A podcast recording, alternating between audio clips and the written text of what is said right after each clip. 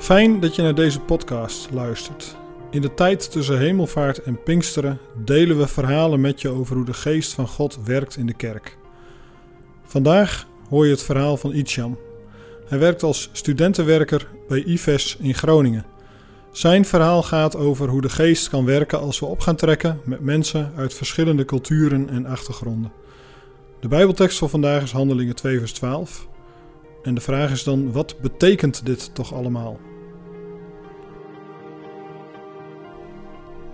Wat betekent dit toch allemaal? Pinksteren is voor alle volken.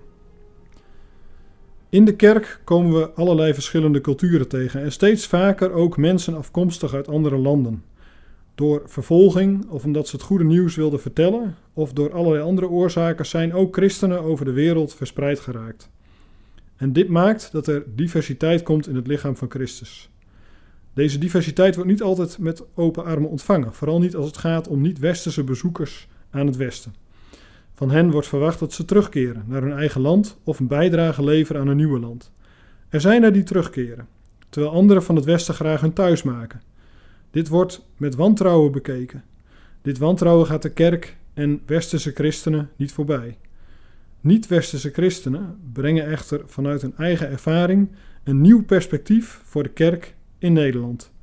De kerken in Nederland worden kleiner en christenen hebben moeite om het evangelie met andere mensen te delen.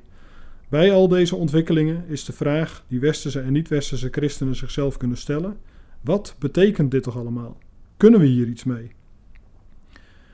Toen de geest op de Pinksterdag neerdaalde, waren mensen uit verschillende delen van de wereld bijeen om het Joodse Pinksterfeest te vieren.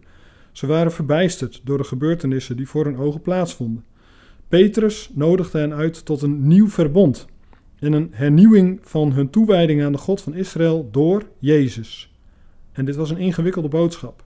Maar de ervaring met de kracht van de Heilige Geest overtuigde hen om het serieus te nemen. Ze hoorden Gods woord uitgelegd door Petrus en ze begrepen het in hun eigen taal.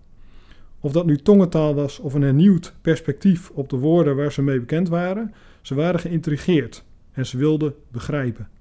In Handelingen 2 vers 12 lezen we dat ze zich afvragen: wat betekent dit toch allemaal? Omdat ze nieuwsgierig waren, gingen ze luisteren. En daardoor hoorden ze de roep van God door de woorden van Petrus, een vreemdeling. Ze wisten niet wie Petrus was, maar toch bracht de aanwezigheid van de geest hen ertoe om met een ontvankelijk hart naar hem te luisteren. Bijzonder, want Petrus was geen Joodse rabbi die bevoegd was om les te geven. Maar ze zetten hun vooroordelen opzij en letten op wat er voor hun neus aan het gebeuren was. God brengt christenen uit andere delen van de wereld naar het Westen.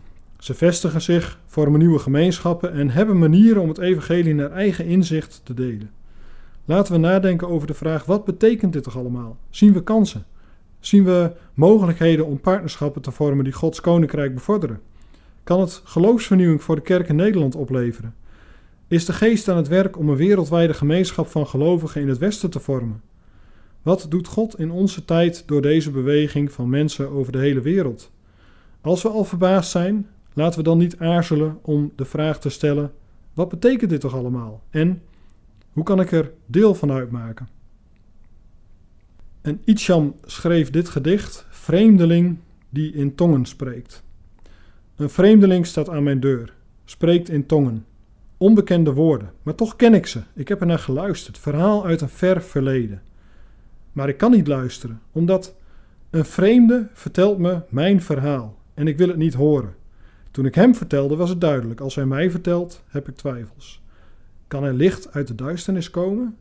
Toch gaat hij door. Een vreemdeling die spreekt in tongen. Van de geest heb ik nodig.